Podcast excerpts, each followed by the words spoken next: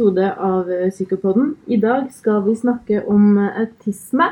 Eh, Og med meg til å gjøre det har jeg en ekspert. Eh, Velkommen til deg, Kristin Øvergaard. Du er overlege i barne- og ungdomspsykiatri og forsker ved Oslo universitetssykehus.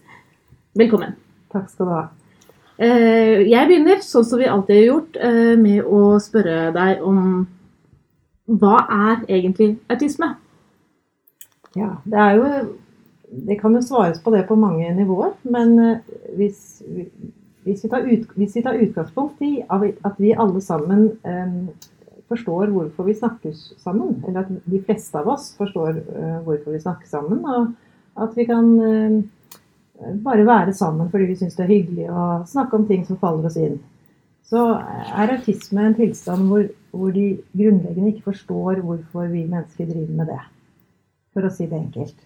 Vi mangler en medfødt egenskap til å um, følge med på det som krever at du er sosial.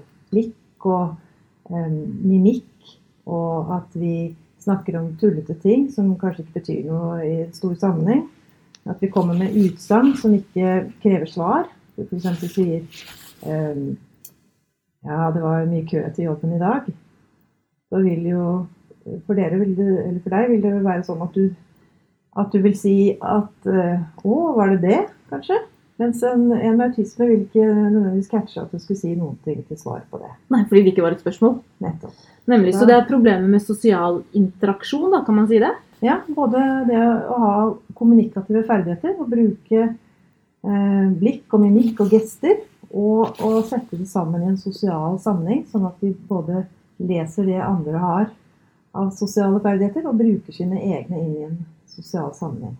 Sånn at det blir det vi kaller nedsatte ferdigheter, kommunikativt og sosialt. Og samtidig så er de eh, preget av at de har eh, spesielle interesser, det vi kaller særinteresser, og et rigid og repetitivt atferdsmønster. De liker å gjøre ting igjen og igjen. Opptatt av detaljer, kanskje litt rare ting. Og at de har intense interesser som, som de holder på med mye mer enn det som er vanlig. Ja, Så på en måte som et, ja, som et, som et syndrom? Eller er, det, altså, er dette her noe som ser likt ut hos alle som har autisme, eller har vi snakket om et autismespekter med ulike ytterpunkter? Det kalles en autismespekterlidelse, og det er jo fordi at det varierer både hvilke symptomer man har, og, og, og som, hvordan det henger sammen totalt sett. Og, og vi kan jo altså Det er jo en del sånn sleivete med at man sier at han er sikkert autist fordi han er så interessert i meteorologi, eller noe sånt. Det er jo fordi at vi vet at vi alle sammen kan ha litt varierende egenskaper. Mens selve de som har, altså diagnosen er jo ganske klart definert på en måte. Samtidig som det ikke er ett enkelt symptom som du kan si at 'Å, du har dårlig blikkontakt, altså har du autisme'. Eller 'Jaså, du svarte ikke da jeg kom med det utsagnet om at jeg sto i kø på veien til jobben'. Altså, du har autisme. For vi er jo i varierende grad litt sånn klønete sosialt, vi andre også. Det er jo helt riktig. Men er det sånn at hvis man har en autismespekterlidelse, så er det på en måte en Altså, fluktuerer det? Er man mer eller mindre autistisk, eller er det sånn hele veien at man hele veien har utfordringer med samspillet? Er det stabilt? Um, altså ja, hvis, man har, hvis, man har, gjort det riktig, altså hvis man har konkludert riktig og det virkelig er en autismespektertilstand, så vil jeg si at det, er, et, er, en tilstand med et, et kronisk forløp. Sånn at man, man, har de problemene, og man må lære seg å leve med de problemene.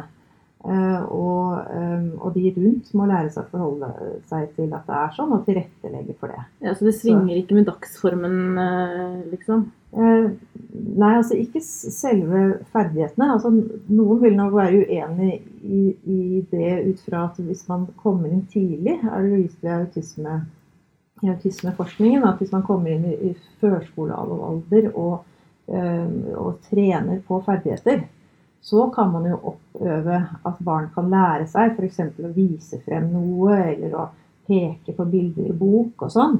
Så sånn sett så er det jo mulig å, påvirke hvilke ferdigheter man har, men at man allikevel vil streve med kommunikasjon og sosiale ferdigheter og et rigid og repetitivt eh, atferdsmønster, det er jo det vanlige. Men at man selvfølgelig kan bli bedre på noe gjennom at, at noen sier til deg at du må ikke, du må ikke peke på damen på bussen og si at hun er tykk, for det, da blir hun lei seg. Og, og, når de da skjønner det, så kan de la være å gjøre det.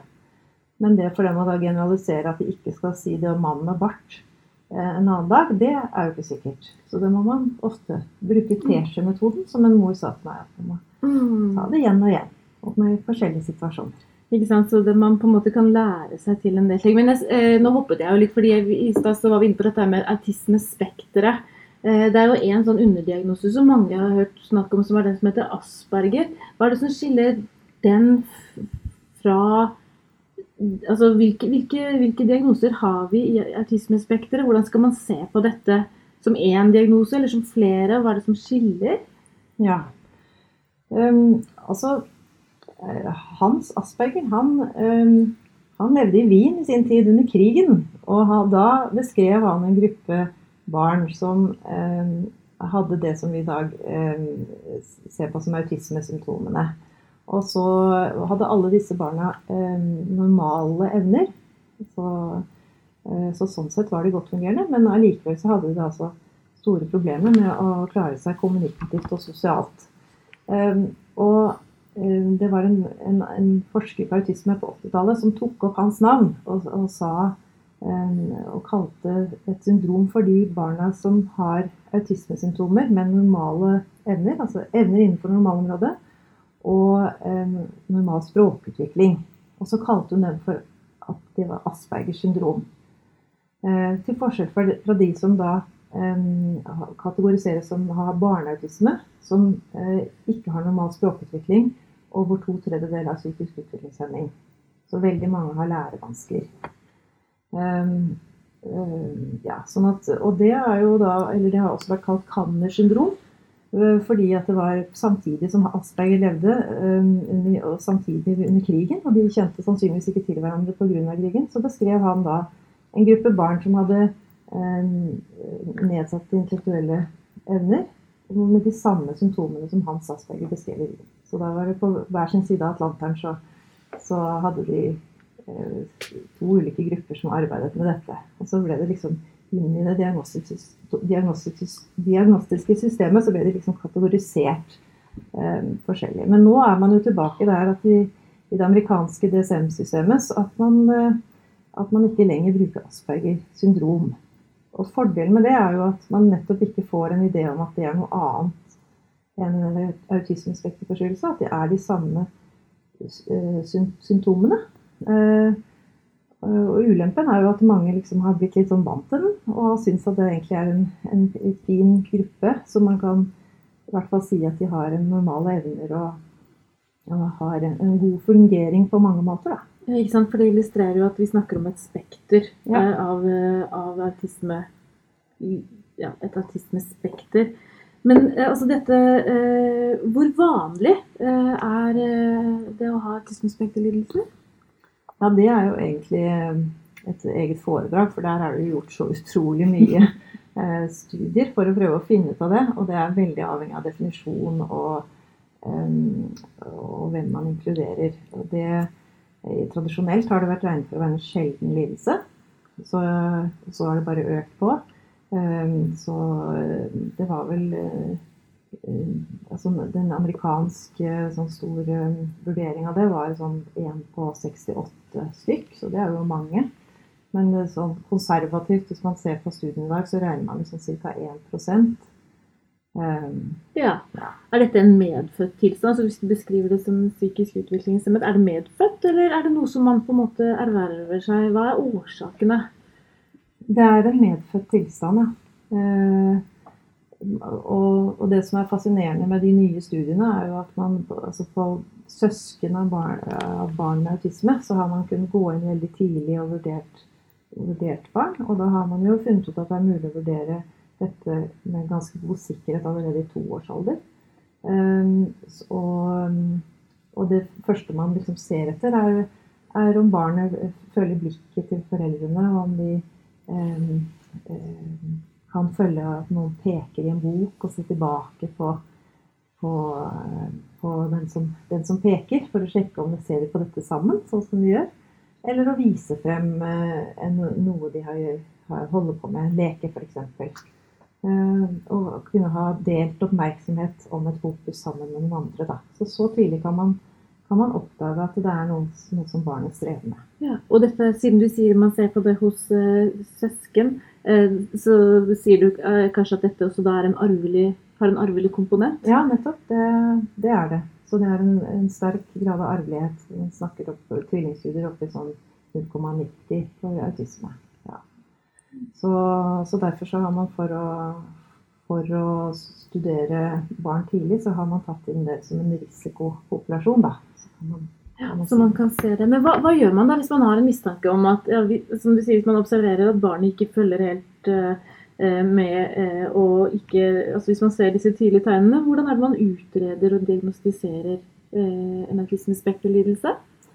Ehm, ja, altså Aller først så er det faktisk viktig for den eh, gruppen barn at vi kommer tidlig til. Eh, Pga. det som jeg sa i stad, med at man faktisk kan øve opp en del ferdigheter. Og også språk. For en del som er språkforsinket, vil man gjerne komme til i barnehagen. For da er det et sånt vindu nevrologisk til at man kan lære mer språk. Eh, så man bør absolutt ikke bare vente og se, som punkt én. Og så må man vurderer eh, det, så, eh, så, gjør man jo eh, Hvis man kommer inn i spesialisthelsetjenesten, så vurderer man med sånne standardiserte verktøy når man gjør både et foreldreintervju, som går veldig i dybden på hvilke ferdigheter barna har. Og spør helt konkret kan han det, kan hun det.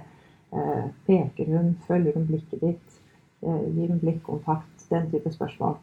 Og så kan man gjøre en observasjon av barna også, som Eh, består i at eh, for de minste da, at man gjør ulike eh, aktiviteter og ser hvordan barnet reagerer på det. Så la, det er laget et eget sånn observasjonssystem, sånn at man f.eks. da blåser opp en ballong, slipper ballongen og sier 'se der', og så forventer man at barnet skal se der og le sammen med den som undersøker, f.eks. da.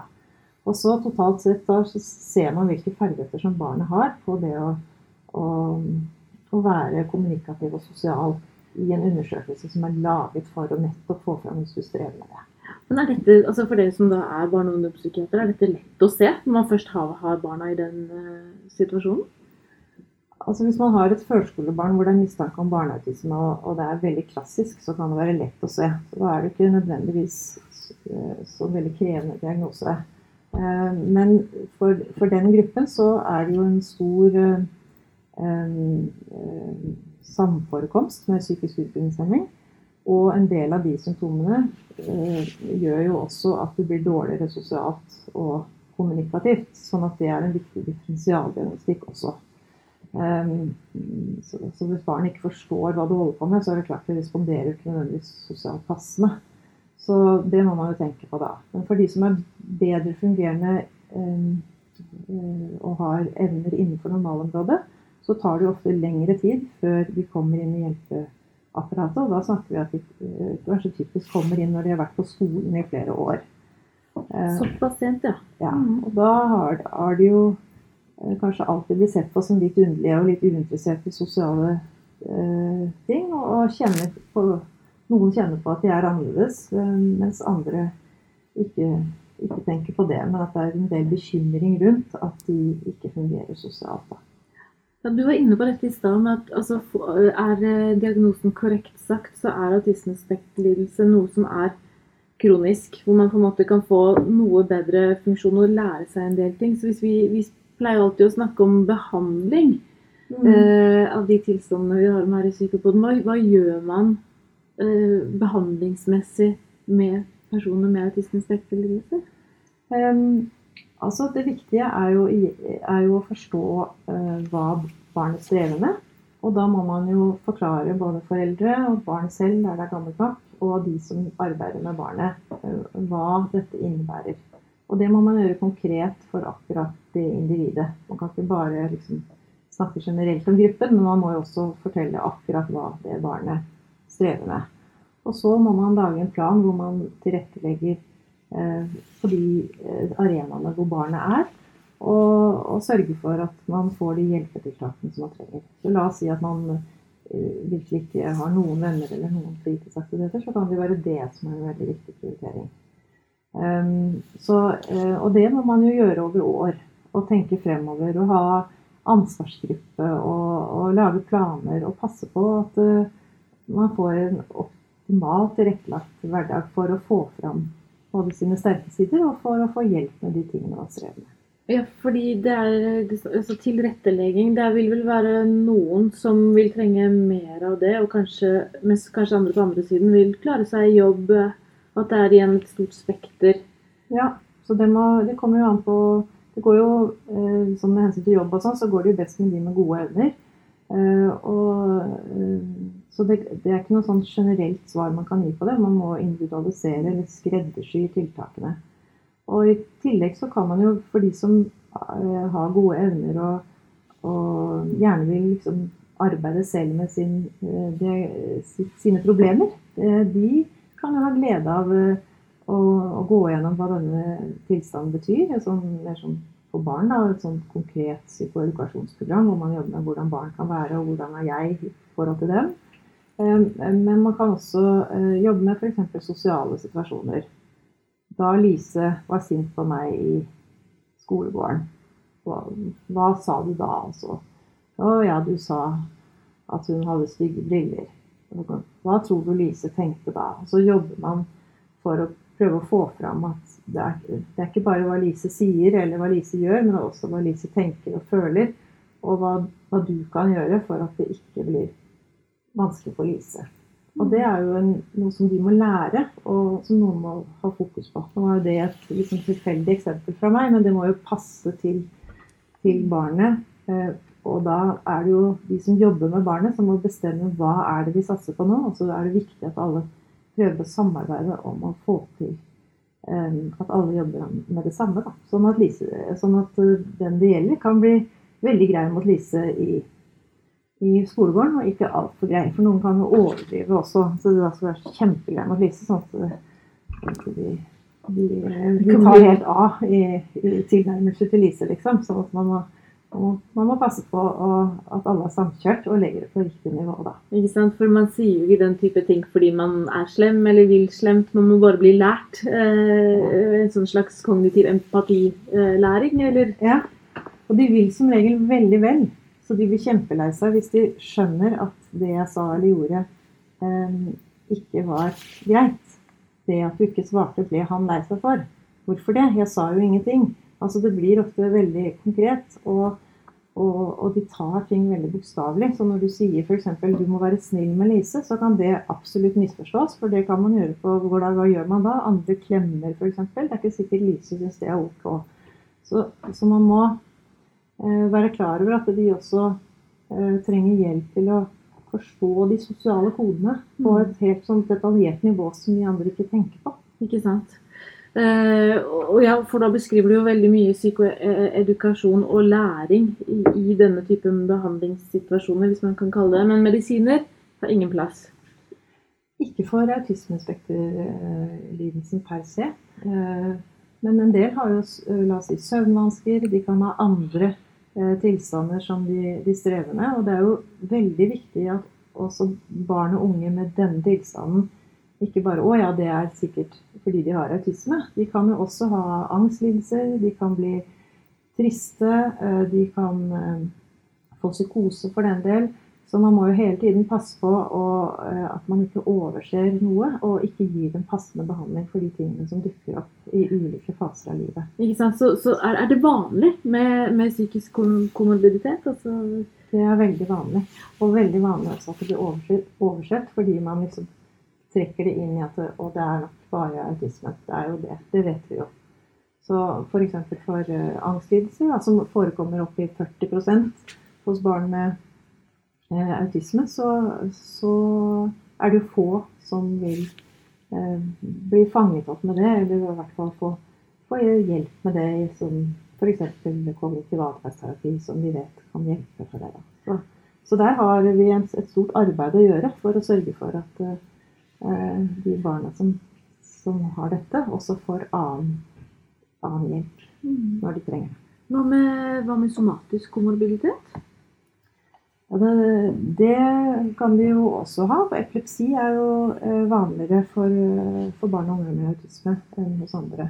Mm. Men ikke, det ingen andre somatiske tilstander som man ser oftere ved autisme enn eh, ellers? Det kommer kanskje litt an på hva du definerer som somatisk tilstand, men det er jo, autisme er jo assosiert med mange syndromer man kan ha i pediatrien.